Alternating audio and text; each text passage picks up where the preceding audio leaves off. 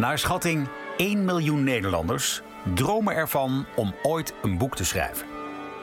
Ik ben één van die 1 miljoen. En dit is hoe mijn boek klinkt.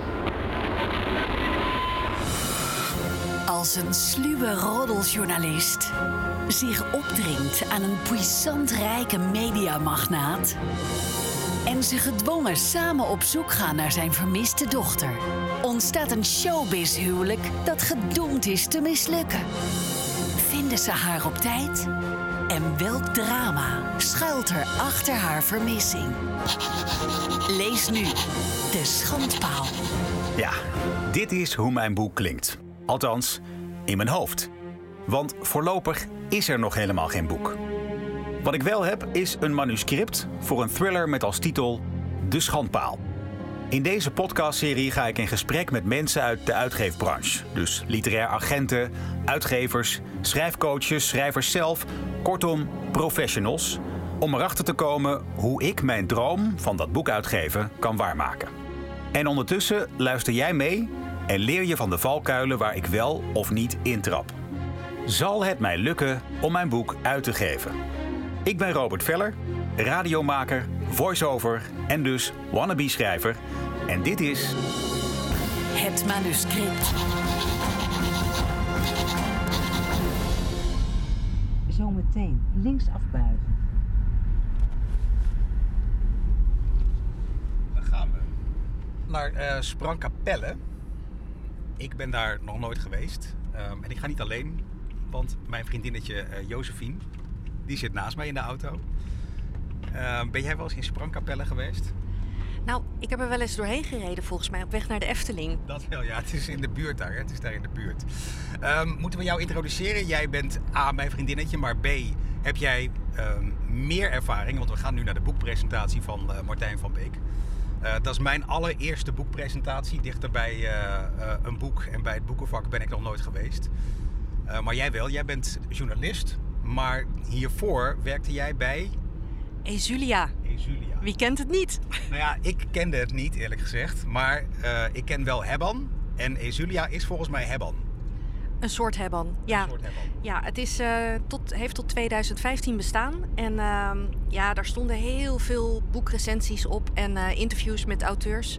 En daar schreef ik voor. En ik deed interviews met auteurs. En ja, ik ging ook wel eens naar een boekpresentatie. Ja, ja dus jij, jij hebt daar meer ervaring mee dan ik. Dat verklaart misschien ook wel dat jij heel relaxed bent en ik een beetje eh, gespannen.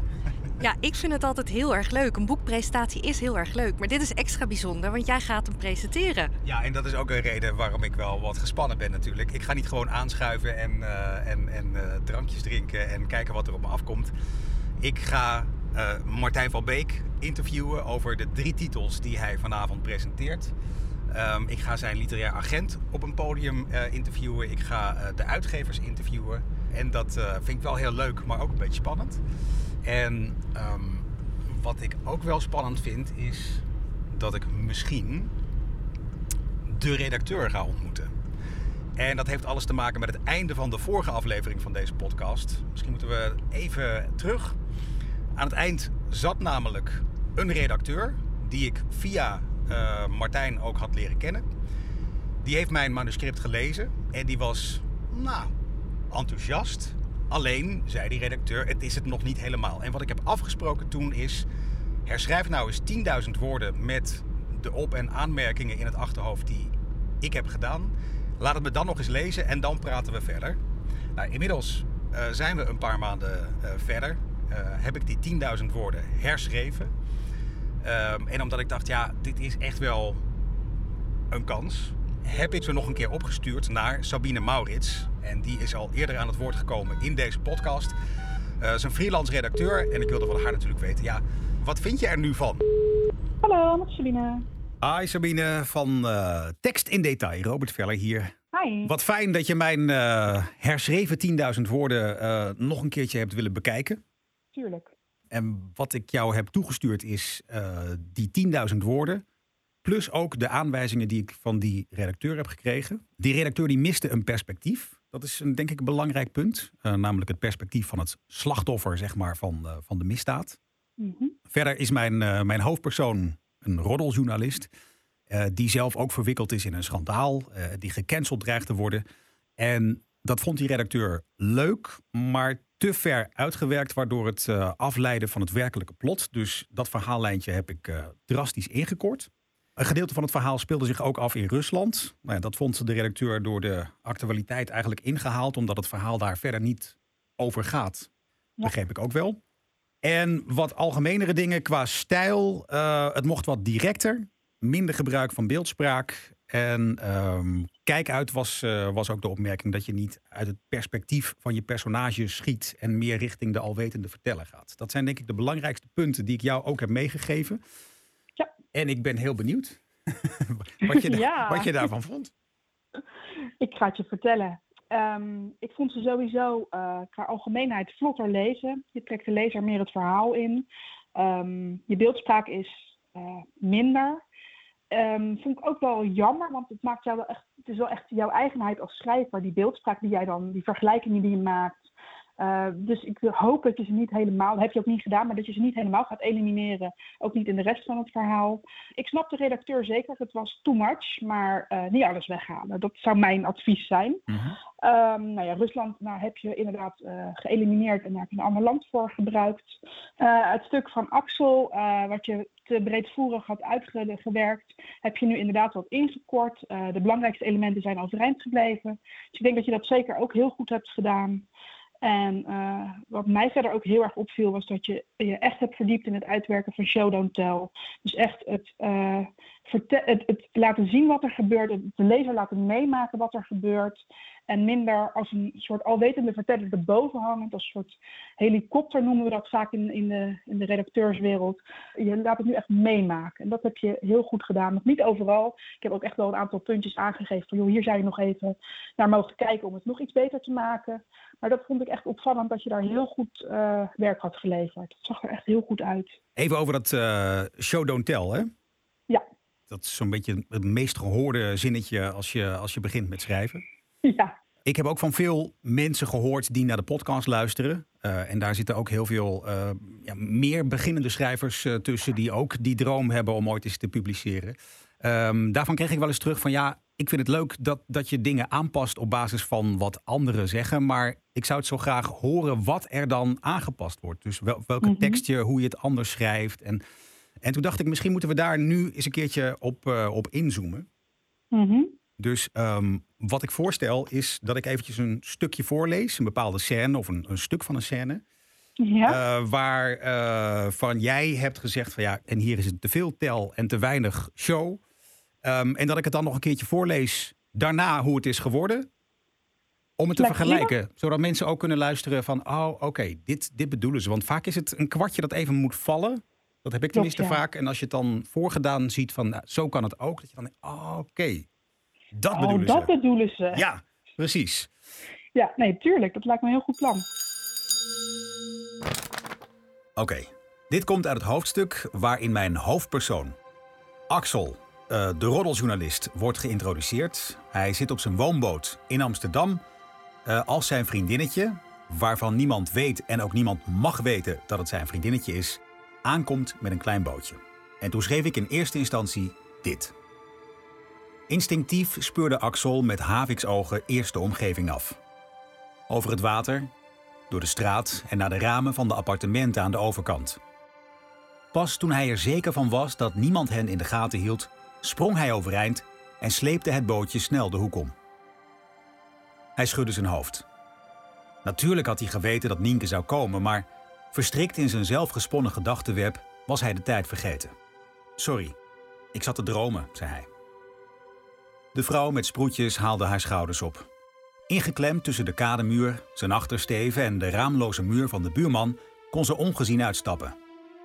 Pas toen ze binnen waren en Axel de deur achter zich had dichtgetrokken, zoenden ze elkaar. Nienke was, zoals ze het zelf noemde, Axels vriendin onder de radar. Dat had alles te maken met wie zij was, wie hij was en wat ze daardoor niet samen konden zijn. Openlijk bevriend. Met name haar geloofwaardigheid zou in het geding komen als hun relatie zou uitlekken. Nienke Diergaarde was een serieuze tv-journalist. Hoofdredacteur bij een dagelijkse, veelbekeken talkshow. Haar omgang met een roddelkoning zou haar betrouwbaarheid schaden als een dierenactivist die getrouwd is met een netse fokker, een openbaar aanklager die bevriend blijkt met een topcrimineel. Wat wil je drinken? vroeg Axel vanuit zijn kleine open keuken. Gin tonic graag. Ze schopte haar sneakers uit en maakte het zichzelf gemakkelijk.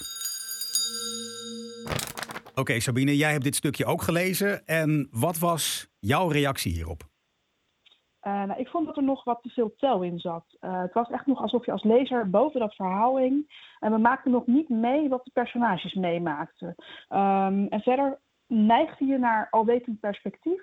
Dat heeft er ook mee te maken dat je er als soort boven hangt. Dat is vaak een combinatie. En ook daar zou je zeker nog wel iets uh, ja, in kunnen verbeteren. Mm-hmm. En op die manier trek je je lezer meer het verhaal in. En dan, vind, dan voelt het alsof hij er echt zelf bij is. En dat is vaak fijner om te lezen. En uh, wat je verder ook nog een beetje doet, dat is niet heel veel. Uh, er zit een stukje in dat je en vertelt en showt. En dat is eigenlijk een beetje dubbelop. En dat zou ik zeker niet doen. Axel denkt, ik was de tijd vergeten.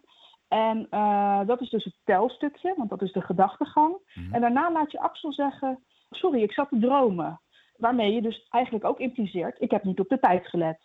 En door dat dubbel te doen, ja, dat is eigenlijk gewoon zonde. Je herhaalt uh, weliswaar met andere woorden, maar je herhaalt hetzelfde. Je vertelt hetzelfde. En dat is onnodig. En doordat je dat doet, maak je je verhaal minder vlot. En dat is ja, niet lekker in een spannend boek. Dus... Oké, okay. en, die, en die vergelijkingen hierin, dat was dan iets wat ik heel erg leuk vond om te schrijven. Ja. Waarvan jij dan zegt, kill your darlings. Ja, ja, ik vond ze heel mooi, maar het is net even iets te veel. Uh, en het zit ook nog in een, in een uh, telstuk. Dus ja daar, ja, daar mag je wat mij betreft, en ik denk dat de redacteur uh, van de uitgever het daar ook mee eens is, daar mag je eigenlijk in schrappen. Ja. Helaas. Um, ik heb dat stukje later herschreven, nadat je mij dit ook hebt toegestuurd. Ja. En dan ga ik je ook even de scène voorlezen zoals die nu op papier staat. Oké. Okay. Instinctief speurde Axel eerst de omgeving af. Hij keek over het water, door de straat en naar de ramen van de appartementen aan de overkant. Pas toen hij er zeker van was dat niemand hen in de gaten hield, sprong hij overeind en sleepte het bootje snel de hoek om. Daar stapten ze uit, onzichtbaar ingeklemd tussen de kademuur en de raamloze achtersteven van de buurman. Eenmaal binnen trok Axel de deur achter zich dicht en zoenden ze elkaar. Ik ben dit stiekeme gedoe zo zat, fluisterde ze even later in zijn oor. Ik ook. Spuugzat, maar ik zie geen andere oplossing. Zeker niet nu ik. nu alles wat ik doe onder een vergrootglas ligt. Ze zuchtte en liet haar voorhoofd op zijn schouder zakken. Dat ben je toch wel met me eens, Nienke? Ik bedoel, hoe serieus neem jij een officier van justitie die de lakens deelt met een topcrimineel? Zo is het bij ons ook. Als onze liefde uitlekt, heb jij al je geloofwaardigheid als journalist verspeeld. Ze knikte. Ik ben bang dat je gelijk hebt. Ik weet het zeker. Voorlopig is het beter dat we onder de radar blijven. Wat kan ik voor je inschenken? Doe maar een gin tonic. Hij liep naar de kleine keuken en pakte twee glazen. Vind je hem dan zo beter? Ja, ik vind hem echt veel beter geworden. Je, je showt nu echt. Je trekt de lezer het verhaal binnen. Je houdt hem vast. Je houdt, hem bij de ja, je houdt zijn aandacht vast. Um, ik vind ook het stukje hoe je het nu hebt gedaan met uh, de vriendin onder de radar, hoe je dat nu in de dialoog hebt gegoten. Tuurlijk is het jammer dat je een van je mooie vergelijkingen hebt weg moeten gooien. ja, maar, maar ik dacht, ik gooi ze. Ik, ik, ik kill niet al mijn darlings. Ik heb hem er toch even eentje heb ik erin uh, weten fietsen. Nee. Mijn, in al mijn zeker. eigen wijsheid. Nee, maar dat is, je moet ze zeker niet allemaal schrappen. Want wat ik al zei, het is jouw eigenheid als schrijver. Uh, het is beeldspraak. Dat kan juist ook heel versterkend werken. Maar te veel beeldspraak, te veel vergelijkingen, te veel bijzonderheden. Dat leidt dan eigenlijk ook weer af van het daadwerkelijke verhaal. Dus ja, balans is het toverwoord. Dat er zijn, ook, er zijn ook best wat, uh, wat, wat woorden geschrapt. Hè? Het zijn echt een stuk, ja. stuk minder woorden. Klopt, ja. Nou, wat ik daaraan jammer vond. Uh, je hebt ook de allerlaatste zin uh, van Nienke. Ze schopt haar sneakers uit en maakt het zichzelf gemakkelijk. Die heb je weggehaald. Ja. En dat vond ik nou eigenlijk een hele mooie overgang uh, van een actiescène naar een wat rustigere scène. Waarin je eigenlijk laat zien van nou Nienke komt hier vaker. Nienke is op haar gemak bij Axel. En ze gaat lekker op de bank zitten. Misschien zin- dat je die er toch nog in terug mag Die- die mis is je eigenlijk weer voor jou. Ja, ik mis die eigenlijk een beetje. oké. Schrijven en herschrijven, je blijft aan de Ja, gang. je, je kan eindeloos doorschrijven. Maar Ja. ehm, ja, op een gegeven moment kom je natuurlijk op dat punt dat je denkt van... oké, is het nu klaar om ja, toch weer op te gaan sturen? Wat, wat vind jij, deze 10.000 woorden? Ehm, ik heb natuurlijk de 10.000 woorden nog voor je geredigeerd. En ik heb ze gisteren ook allemaal doorgelezen. De allernieuwste versie die je nog even had gestuurd. Ik vind het echt, eh, echt het, het proberen waard om dit weer op te gaan sturen. Ik denk dat je hebt zoveel verbetering aangebracht. Je hebt zoveel met de feedback gedaan. Eh, ja, wat mij betreft is dit nu echt klaar voor de redacteur om te gaan beoordelen of ze het willen gaan uitgeven. Ah, Sprangkapelle West, hier eraf. Links. Maar we rijden nu het eh pittoreske Sprangkapelle binnen. Ah, dat is mooi. Maar het is wel mooi hier inderdaad. Ik ben hier nog nooit geweest, maar het is hier pittoresk. Dat woord is eh, goed gekozen. En als je dan die uitgever tegenkomt straks, wat, wat, wat heb je bedacht? Hoe ga je dat dan doen? Storm je op deze persoon af? Ja, tot, tot schrikken aan toe. Dat ze echt denken, oh nee, daar is die. Nee. Nee, ik heb, geen, geen, daar heb ik niet over nagedacht. Nee, dat laat ik maar gewoon eh, gebeuren. En ik hoef ook niks te overhandigen. Ik hoef eigenlijk alleen maar eh, bij het weggaan zeggen... Oh ja, ik heb die 10.000 woorden trouwens af. En eh, is het goed als ik je die morgen even mail? Heel casual vraag ik dat dan. Dat is, eh, als ik er nu over nadenk, denk ik, ja, zo ga ik het doen. Gewoon heel casual. Lekker een wijntje drinken, even kletsen, geïnteresseerd zijn in het boek van Martijn. En dan bij het afscheid zeggen, nou, ik heb trouwens die eh, 10.000 woorden nog herschreven. Vind je het goed als ik die van de week eventjes opstuur? Zo ga ik het doen. Ja, ja, daar zou ik ook ontvankelijk voor zijn. Nou, ik ben benieuwd. Volgende straat, licht rechts. Licht rechts. Aardappelen te koop. Heerlijk. Ik zie hier, eh, Waar hier- dan? Oh, hier, kijk. Oh, dat ziet er leuk uit. Oké, en ik zie hier een parkeerplaats gewoon voor de deur. Die pak ik gelijk. Bereikt. Het eindpunt bevindt zich links. Hoppakee. Oké. Oh ja, ik zie het podium al. Kijk. Hallo. Hallo. Om 7 uur binnenkomen. Dat is uh, Josephine. Hoi, Martijn. Hallo. Goedenavond. Oké, ben je klaar voor de eerste tegenvallen? Wat is er gebeurd dan? Wat, wat? De redacteur? De redacteur? Oh, oh, ja, ja. Wat is er? Ja, precies wat je denkt. Die, die is er niet. Oh, nee. Waarom niet? Ja, verhinderd. Verhinderd. Ja, dus ehm, ja, dat gesprek met de kennismaking en dan heel casual zeggen: Oh ja, ik heb het af, eh, zal ik het je toesturen? Dat zit er dus eh, niet in. Neem niet weg dat we natuurlijk nog steeds een fantastische avond hebben. Eh, en er komen wel genoeg andere mensen die, eh, die het misschien wel kan interesseren. Nou, het loopt aardig vol, maar wat jammer dit, zeg. Ja, dit is wel heel jammer. Maar goed, ik, ja, ik kan het al- alsnog gaan mailen natuurlijk. En dat ga ik ook zeker doen. Maar even persoonlijk contact. Ja, dat was leuk geweest. Was- was wel Ja, lekker dat was geweest. wel leuk Ja. geweest. Nou ja, goed. Oké. ehm, moedig voorwaarts dan. Moedig voorwaarts, inderdaad. Het is nu, even kijken, nog een 10 minuten. En dan eh, mag ik het podium op. Moeten we het, moeten we het eh, een beetje beschrijven? Het is, een, het is een restaurant, het ziet er chic uit, vind ik. Ja, en Robert, er ligt een lijk.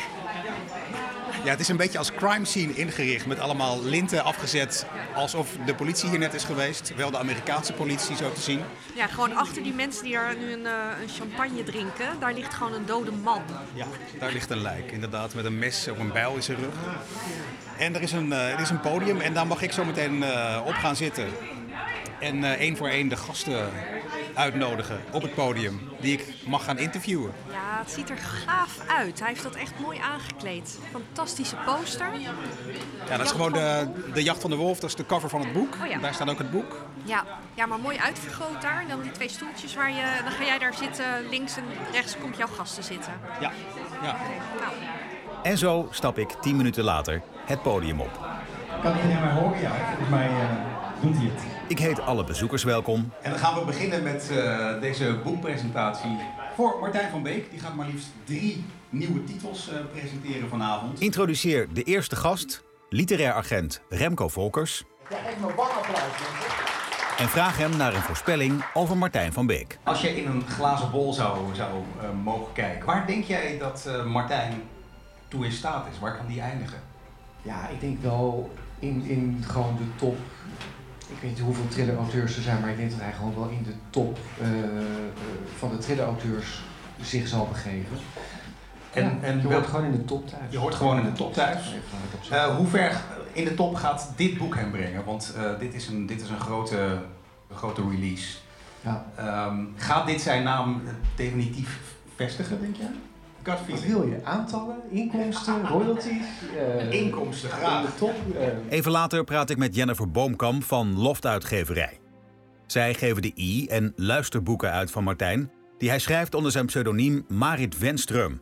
Vanavond presenteert Loft het vierde deel uit de Lianne Bloemenreeks, genaamd Canvas. Allereerst zou ik graag van jou willen weten, hoe gaat het met de e-boeken en de audioboeken ten opzichte van het fysieke boek? Ja, nou, misschien ehm, kan ik daar antwoord op de vraag geven door hier aan iedereen te vragen of iemand hier een e-reader heeft. Nou, kijk, kijk toch eens.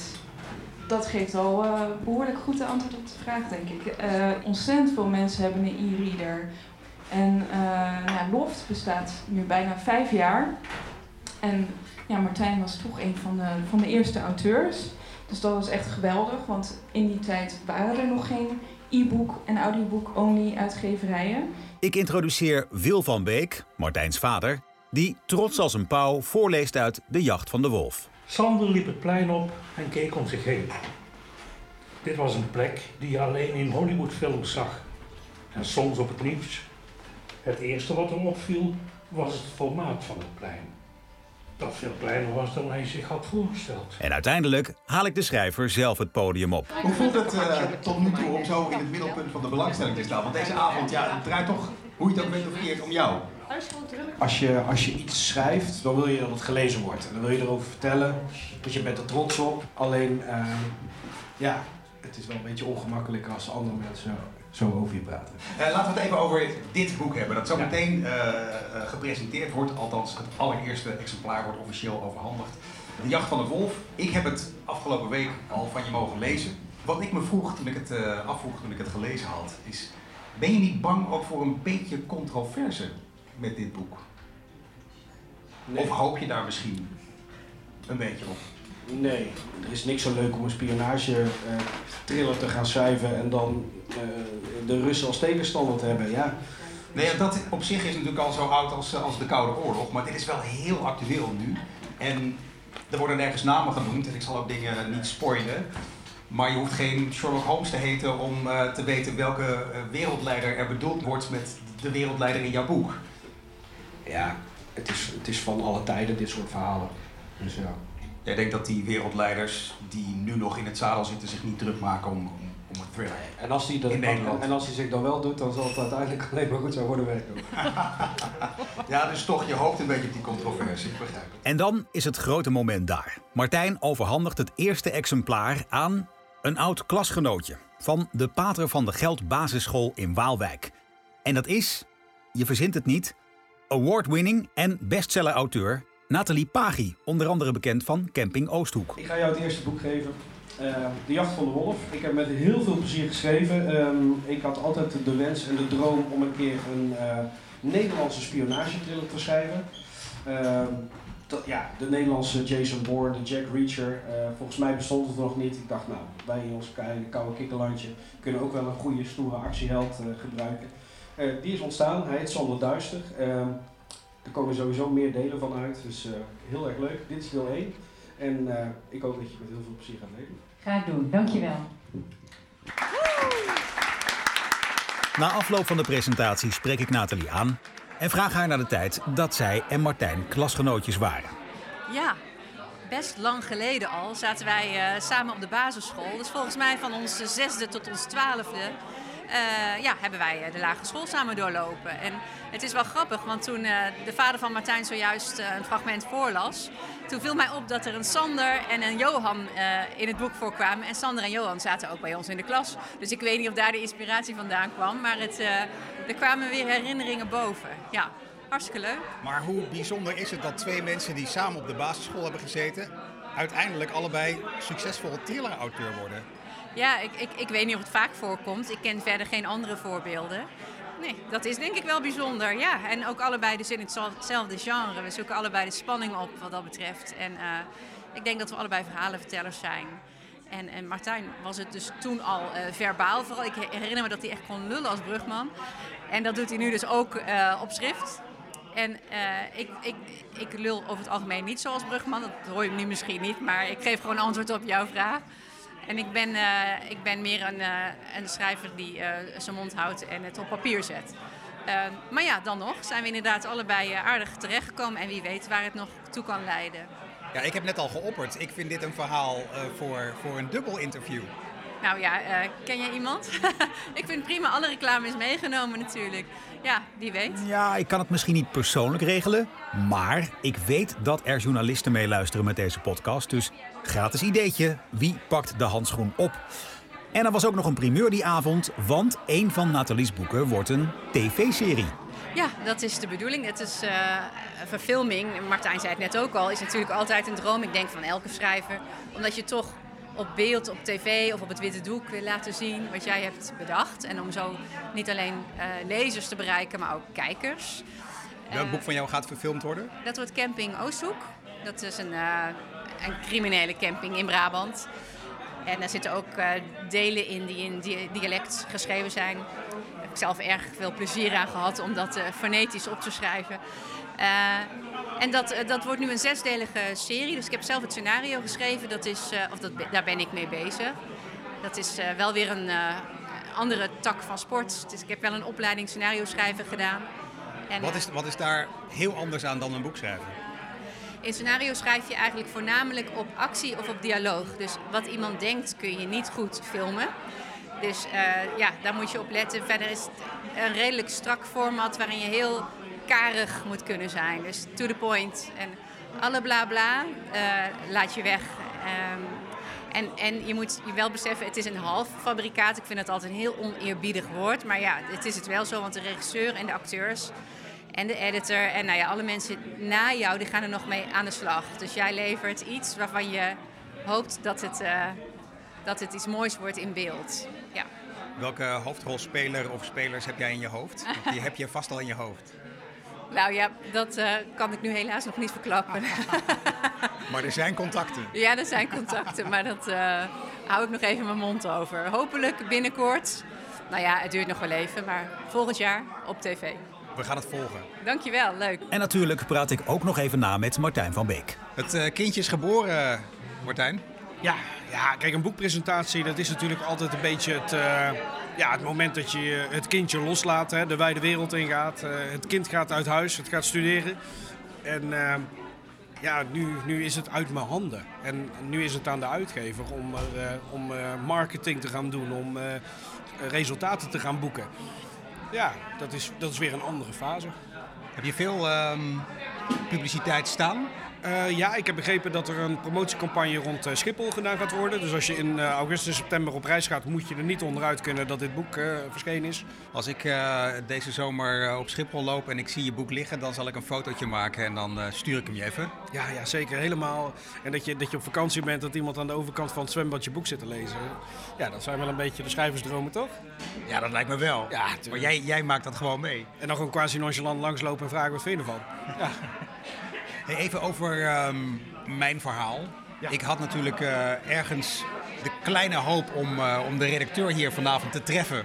Met wie ik afspraak heb gemaakt van oké, okay, herschrijf 10.000 woorden en stuur het dan nog een keer op. Ik dacht vanavond komt die uh, eerste persoonlijke kennismaking. Maar die redacteur is er niet. Nee, maar ja, weet je, het, het toont ook maar weer aan dat je krijgt niet de makkelijkste weg voorgeschoten. Je moet er echt wat voor doen. En uiteindelijk geloof ik dat degene die doorgaat en die volhoudt, dat dat uiteindelijk degene is die, die overwint. Ja, dus jij vindt dat ik deze hobbel ook gewoon weer moet nemen? Ja, ik weet zeker dat het wel goed gaat komen. En met deze woorden stappen we in de auto, verlaten Sprangkapelle en praten onderweg nog een beetje na. Jeetje, wat, ik vond het superleuk. Jij? Ja, ik heb, eh, ik heb een leuke avond gehad. Ik was van tevoren een beetje bang dat, dat ik het heel spannend zou vinden. Maar ik voelde me eigenlijk best wel op mijn gemak op dat podium. dat had ik niet van tevoren verwacht. Eenmaal thuis slaap ik er nog een nachtje over. En nog één. En nog één. Maar uiteindelijk tik ik mijn mail, voeg de 10.000 herschreven woorden plus een nieuwe synopsis toe en druk op send. Bedankt voor het luisteren en als er nieuws is, hoor je dat in aflevering 6.